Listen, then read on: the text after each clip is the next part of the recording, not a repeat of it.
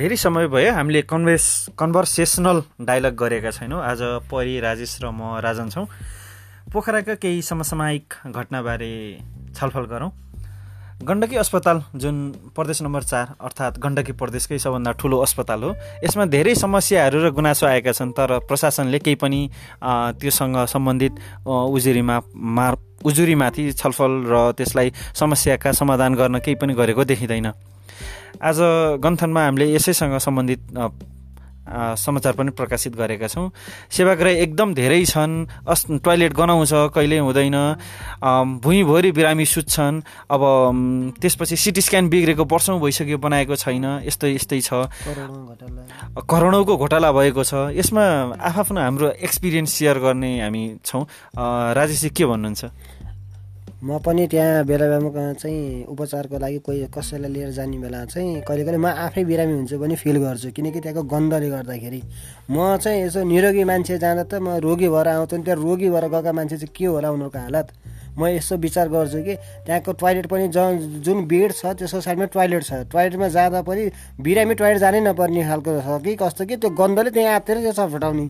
त्यस्तो कन्डिसन पनि छ। अनि अर्को कुरा भनेको सबैलाई थाहा भएकै कुरो यो उडिसको समस्या चाहिँ त्यहाँनिर चाहिँ त्यहाँका नर्सहरूले पनि भन्नुभयो कि यहाँ हामीलाई हामीले कतिपल्ट कम्प्लेन गऱ्यौँ प्रशासनमा उहाँहरूले केही वास्ता गर्नु भएन। त्यो भएर चाहिँ आज चाहिँ हामीले चाहिँ मिडिया मार्फत नै के भयो यस्तो यस्तो भयो। हामीलाई कसैले पनि केही गर्नु भएन। उडुस छ बिरा हामीलाई त यस्तो छ भने बिरामीलाई कस्तो भयो होला? उहाँहरूले भन्नुभएको थियो। त्यहाँको सबभन्दा मेन समस्या भनेको कोही चाहिँ बिरामी भएर कोही गयो भनेदेखि लाइन धेरै हुने डक्टर टाइममा नआउने। बिरामीले डक्टर कुर्ने हो कि चाहिँ डक्टरले चाहिँ बिरामीलाई कतिखेर सेवा गर्ने त्यो चाहिँ त्यहाँ कहिले पनि मिलेको छैन। यो उडुस परेको अस्पतालमा अस्पतालको प्रतिष्ठान पनि छ उसले पोस्ट ग्रेजुएट चलाउने अरे क्लास सुरु। भन्न खोजेको। अब डक्टरकै एमडी होइन अब हामीले बुझ्दा त्यही। यस्तो उडुस पर्ने यो अस्पतालको यो टिचिङ होला अब यस्तै बनाउने होला। पिजी क्लास सुरु गर्दैछ। प्रतिष्ठानले मेडिसिन सर्जरी अर्थोपेडिक्स लगायतका छ विषयमा पिजीको पढाइ सुरु गर्ने अरे। के भन्नुहुन्छ परि? यसमा यो इन्फ्रास्ट्रक्चरै छैन त्यसै हावातालमा बोलेर यो नेपालको यो एजुकेसनल यो सिस्टमलाई होइन टेक्निकल्ली नभइकन यो ल यहाँ खोलिदियो विद्यार्थी आउँछन्। पढे के पढे एक्जाम दियो सक्यो फिनिस यसले स्किल मेन पावर त प्रड्युस हुन्न के छ यो यसलाई नेपालमा चाहिँ यो डेभलप हुनलाई ट्रान्सपोर्टेसन एजुकेसन अनि यो हेल्थ पनि एउटा हो। हेल्थमा अब यो वेस्टर्नकै अब ठुलो भनेपछि नि यसमा एकदमै मान्छे सब मान्छेहरूको विश्वास त्यहीँ हुन्छ सबजना त्यहीँ आउँछन्। र मान्छे त्यहाँ पुगेपछि उनीहरूलाई कस्तो होला अब त्यो त्यस्तो नाजुक स्थितिमा।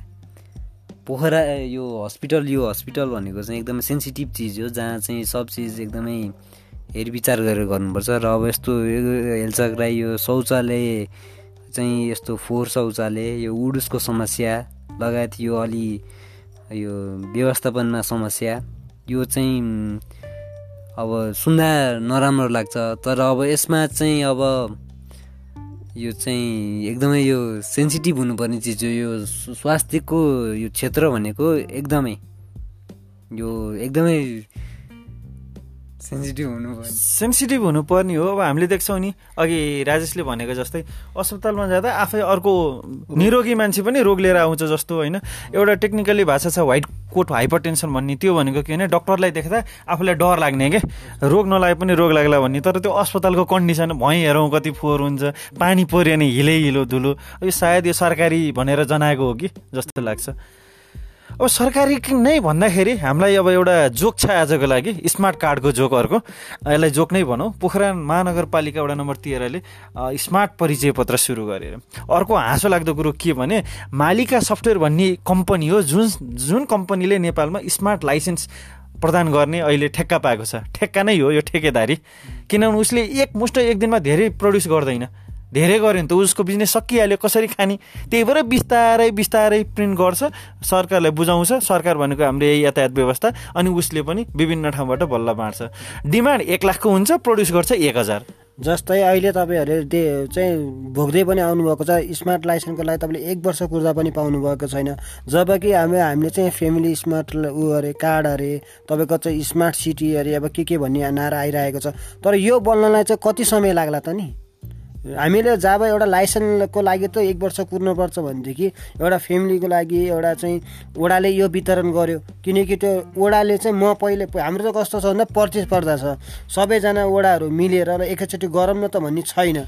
को भन्दा को कम भनेर काम गरिरहेका हुन्छन्। अब यो ओडा स्मार्ट चाहिँ ल तेह्रले पायो अब अर्को ओडाले हामीलाई खै भन्ने उचालिन बेर लाउनु उचालिन बेर लाउन सबभन्दा अर्को हाँसो लाग्ने कुरा के भने अस्ति भर्खर सरकारले राष्ट्रिय परिचय पत्र वितरण गर्यो त्यो पनि स्मार्ट हो चिप बेस भन्ने अहिले ओडा ओडाले गर्ने ओडाको छ मा नगरपालिकाको आफ्नै छैन अर्को हाँसो लाग्दो कुरो। अनि एउटै मान्छेले मैले कतिवटा कार्ड बोक्ने? होइन ओडाको लागि एउटा बोक्ने देशको लागि एउटा बोक्ने नगरपालिकाको लागि एउटा दिस इज टोटल रबिस जस्तो लाग्छ। अब जस्तै एउटै त्यो कन्क्लुजन भनेको कम कार्ड बनाएर एउटै कार्डबाट सबलाई सेवा दिने त्यसको मेन उद्देश्य हो। र अब यहाँ के देखिरहेछ?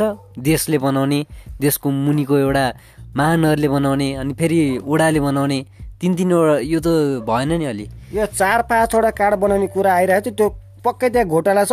करोडौँको रुपियाँ ठगी हुने। बेला अभियसली मलाई पनि त्यस्तै लाग्छ किनभने पैसा नै पैसाले मोटिभेटेड हो कि? जस्तै राष्ट्रिय परिचय पत्र वितरण गरिसकेको छ भने वडा नम्बर तेह्रले किन हाम्रो वडामा राष्ट्रिय परिचय पत्र वितरण नगर्ने भने त्यो गर्नु पर्थ्यो नि सुरुमै होइन? हामी वडा नम्बर तेह्रमा सुरुमा राष्ट्रिय परिचय पत्र बाँड्छौँ भनेर केन्द्रीय सरकारलाई भनेर त्यहाँबाट ल्याएर बाँड्नु पर्थ्यो। आफ्नै कार्ड किन चाहियो? भनेपछि अब प्रत्येक वडा वडाको आफ्नै कार्ड। ओ वडा वडाको आफ्नै कार्ड भयो भोलि चाहिँ उस्तै पनि परिवारको पनि ल तपाईँहरूको परिवार एउटाको बनाएर हुन्न छुट्टा छुट्टै ल्याउनु पऱ्यो तपाईँहरूको। अब चाहिँ अब यो परिचय कार्ड बनाउँदा पनि पैसा लाग्ने हो कि होइन? मेन कुरो त्यो लाग्यो। पैसा नलिए त हामीले यहाँ केही पनि सेवा पाउनेवाला छैन। वडा नम्बर तेह्रमा चार हजार घर छन् रे।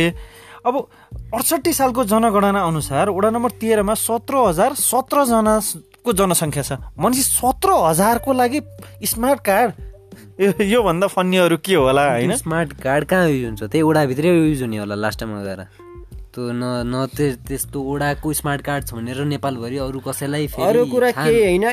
हामीले स्मार्ट कार्ड त पकेटै लिएर हिँड्छौँ। तर त्यसको चेक चाक गर्ने मेसिन हुन्छ कि हुन्न त्यो चाहिँ चाहियो हामीलाई। ओडा अध्यक्षले भेट्दाखेरि यहाँ के भन्नु भने कुनै सिफारिस लिनु पर्यो भने ओडावासीले अहिले नेपाली कागजमा निवेदन लेख्नुपर्ने अनि ढड्डा पल्टाएर विवरण हेर्नुपर्ने त्यसपछि कर्मचारी हुँदै तोक लगाउनका लागि ओडा अध्यक्ष भेट्दासम्म दुई दिन बित्छ तर स्मार्ट परिचय पत्र लिने ओडावासीले उक्त परिचय पत्र लिएर आएको खण्डमा स्क्यान मेसिनमा स्मार्ट परिचय पत्र राखेपछि चाहिएको सुविधा तुरिन तुरुन्तै लिन सके। होइन यो तुरुन्तै लिएको भिडियो देखाउनुहोस् न अनि बल्ल हामीले विश्वास गर्न सक्छौँ नि। भनेपछि हामीले यो स्मार्ट कार्ड लाए लिएपछि ओडा अध्यक्षले नचाहिने रहेछ है।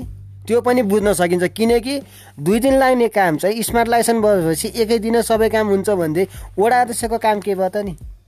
ओडा अध्यक्षको नि काम भएन। ओडाले पारिवारिक कार्ड एकपटकलाई नि शुल्क उपलब्ध गराउने भनेको छ। फर्स्ट टाइम सुरुमा गर्ने। त्यसपछि वर्ष पछि लिने हो कि? हरायो भने अब हजार रुपियाँ ठटाउने हो कि? त्यो त अब हाम्रो यो ओडा आफैले ओडा पनि एउटा सरकारकै रूपमा सञ्चालित हुन्छ। उसले जे पनि गर्न पाउँछ। यसलाई एकदम राम्रो तरिकाले कसरी युज गर्न सकिएला त? ओडाले कार्ड बाँडिसक्यो नगरपालिकाले नि बाँड्ला सरकारले नि बाँड्ला। अब यसलाई कसरी चाहिँ अब जे गर्नु गरिसक्यो अब यसलाई कसरी राम्रो बनाउने होला? अब यसलाई राम्रो बनाउनाले उसले बाँडेको चिज हो बाँडिसक्यो। तर त्यसलाई तँ अब नेसनल लेभलकोसँग लिङ्क गरेर सबै वडाको होला आफ्नो डिजाइन होला कार्डको कसैको के होला तर त सबैको त यो इलेक्ट्रोनिक चिप भएपछि त सबै इन्फर्मेसन हाल्ने चिज त हो त त्यहाँ होइन। डिजाइन एउटा जस्तो सुकै होस् ल वडाकै एउटा विशेषता केही राखेर डिजाइन गरोस् वडाको नाम होला एउटा देशकै नभएर। र त्यो भएपछि चाहिँ लिङ्क गरेपछि चाहिँ अब त्यो उडाउडाले आफै बनाउँदा नि केही यसमा आपत्तिजनक भएन। तर मेन यसको यो यो बनाउनुको उद्देश्य के हो? त्यो पुरा भए अरू उद्देश्य त अब यहाँ ओडाले दिने सर्भिसहरू ओडाले प्रदान गर्छ भनेछ बाहन्न रुपियाँ पर्ने यो कार्ड। होइन ओडाको आफ्नै युनिक नम्बर छ भने त्यो युनिक नम्बर चाहिँ राष्ट्रिय परिचय पत्रसँग लिङ्क गर्यो भने परिले भनेको जसरी सबै ओडाले बाँड्दा नि फरक पर्दैन। किनभने मैले अब राष्ट्रिय परिचय पत्र नबोकिकन पकेटमा आफ्नै लोकल लेभलको कार्ड लोकल लेभलको ओडाको स्मार्ट कार्ड बोकेर हिँडे नि भयो। किन दुइटा त लिङ्क छ। राष्ट्रले त त्यो ओडामा पाउने सिफारिस दिन्न। होइन नेसनल कार्डले त। तर ओडावाला कार्डले त पाइन्छ भने चाहिँ एउटा मात्रै कार्ड बोके भयो। अनि यस्तो पनि छ कि स्मार्ट कार्ड लाइस स्मार्ट कार्ड चाहिँ वितरण गर्छु त भन्यो। त्यहाँका पब्लिकहरूलाई त्यसको बारेमा चाहिँ सूचनाहरू जस्तै त्यहाँको बारे यो भयो भने तपाईँलाई यस्तो यस्तो हुन्छ भने पहिलो जानकारी दिएछ कि दिएछैन अथवा सचेतना वडा। वडावासीहरूलाई नै कार्ड चाहिएको छ कि छैन? साक्षरता कति छ? त्यहाँको मान्छे त्यो बाहुन रुपियाँ खर्च गर्न सक्छ कि सक्दैन त लिएर के गर्ने? होइन? त्यो भन्दा पनि अब हामीले एकचोटि यो स्मार्ट लाइसेन्स त लियो। यसको नवीकरण हुन्छ कति कति समयमा हुन्छ र त्यो भनेको छ कि छैन त्यो पनि हेर्नु। आजको छलफल हामीले यहीँ बिट मार्छौँ। किनभने अब हामीसँग भएका समस्याहरू बग्रेलती छन् थुप्रै छन्। अब यसलाई अहिलेको लागि चाहिँ हामीले एडप्ट गर्ने नगर्नेमै लिमिटेसन राख्दा ठिक हुन्छ जस्तो लाग्छ। हेरौँ अब स्मार्ट कार्ड कसरी वितरण त सुरु गरियो कम्पनीसँग मिलेर वडा वडाले गर्यो तर त्यसको इम्प्लिमेन्टेसन कसरी हुन्छ र कार्ड पाइसकेपछि सुविधा के पाइन्छ?